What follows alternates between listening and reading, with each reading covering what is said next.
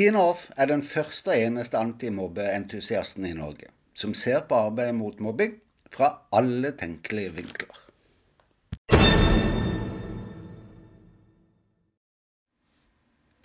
Er det rom for refleksjoner rundt en rektorsmøtestrategi i mobbesaker? Klart, sier jeg. Selvfølgelig. For de valgene som tas, er så utrolig viktige for barnets saksbehandling, som saksbehandlingen dreier seg om. Det er altså skolemiljøsaken og saksbehandlingen blant de voksne som er i sentrum for dagens episode. Det blir mange spørsmål, så sett deg godt til rette. Utgangspunktet er jo greit. Et barn opplever et ugreit skolemiljø i form av krenkelse, mobbing, diskriminering eller trakassering, enten på utøver- eller utsatt-siden. Oppgaven skal løses av voksne, minimum av skolen og foreldre. I første omgang er det ofte få deltakere, kanskje bare rektor og kontaktlærer fra skolens side, og én eller begge foreldre.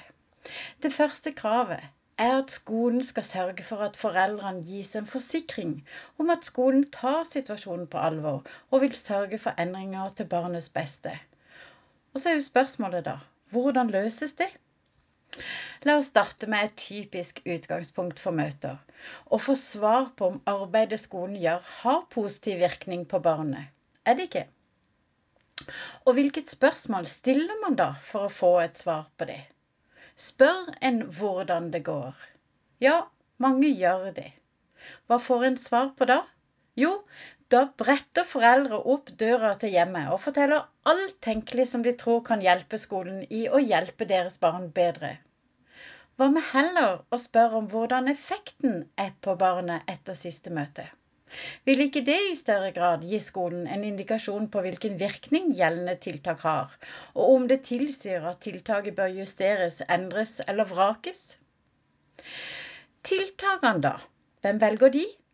Er det rektor sjøl? Er det så lurt? I så fall hvorfor? Vet rektor hva som er best for dette barnet?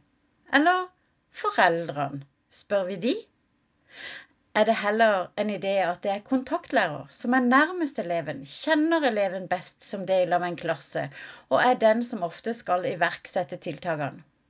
Bør læreren da lyttes til i forkant av, gis en stemme i møtene og bli fulgt opp i etterkant? Soleklart, spør du meg. Kan foreldrenes forslag til justeringer ha noe for seg? Klart, for ofte kan deres innspill gi et tiltak bedre virkning. Og så da? Hvilke forventninger har skolen til foreldre? Eller sagt på en annen måte, hvilke forventninger kan skolen ha til foreldre? Ingen. Foreldre er en privat part. Det er skolen som er tjenesteyter og har klare forventninger og krav ved egen rolle.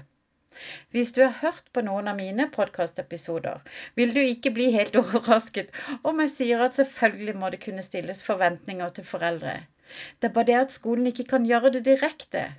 Men indirekte, så. F.eks. vil et systematisk arbeid som inkluderer aktive roller og oppgaver for de tre, altså barnet, foreldrene og skolen, kan vi fint sette skolen i stand til å stille forventninger til foreldre likevel. Hvilke forventninger kan så skolen stille til seg sjøl? Det varmer hjertet for barna. Ønsket om at de skal ha det bra på vår vakt, er både skolens styrke, men også den svakhet. For når barn ikke har det bra, går de inn på læreren, og det noe skikkelig også. I motsetning til foreldrene har skolens ansatte en nøtt å knekke her, for en må kunne klare å bry seg, men samtidig forholde seg både profesjonelt og konkret til gjenoppretningsprosessen. Hvilke ferdigheter er oppøvd hos kontaktlærerne for dette type arbeidet? Det kan jo gå år mellom hver gang en kontaktlærer har skolemiljøsaker i sin klasse. Hvis skolen ikke har et slikt opplegg, hvordan sikrer skolen da å være treffsikker og kjapp nok, slik at helsekonsekvensene ikke blir større for barnet? Og så, hvilket tempo bør gjenoppretningsarbeidet gis? Lynfast, spør du meg, for jo lengre tid det går før skolen fanger opp virkningen av tiltak, dess større konsekvenser kan barnet risikere å få, både helsemessig, faglig og sosialt. Vi kunne ha snakka om mange flere punkter, men la meg avslutte med dette. Foreldrene teller alltid, i beste fall to personer. Hvor mange tenker du at de trenger å møte fra skolen i møter? Er jo flere, dess bedre. I så fall for hvem? For foreldrene eller skolen? Selv om jeg mest sitter i møter med foreldre etter at saker har pågått i lang tid, så nevner jeg bare at 15 personer som unisont snakker mot én eller to foreldre, er en særlig dårlig, særlig dårlig strategi. Det kan virke effektivt for skolen, men blir en ren overkjøring for foreldre. Og da er vi inne på den skjeve maktfordelinga mellom skolen og foreldre. Men den får vi ta en annen dag. Det var alt for denne gang.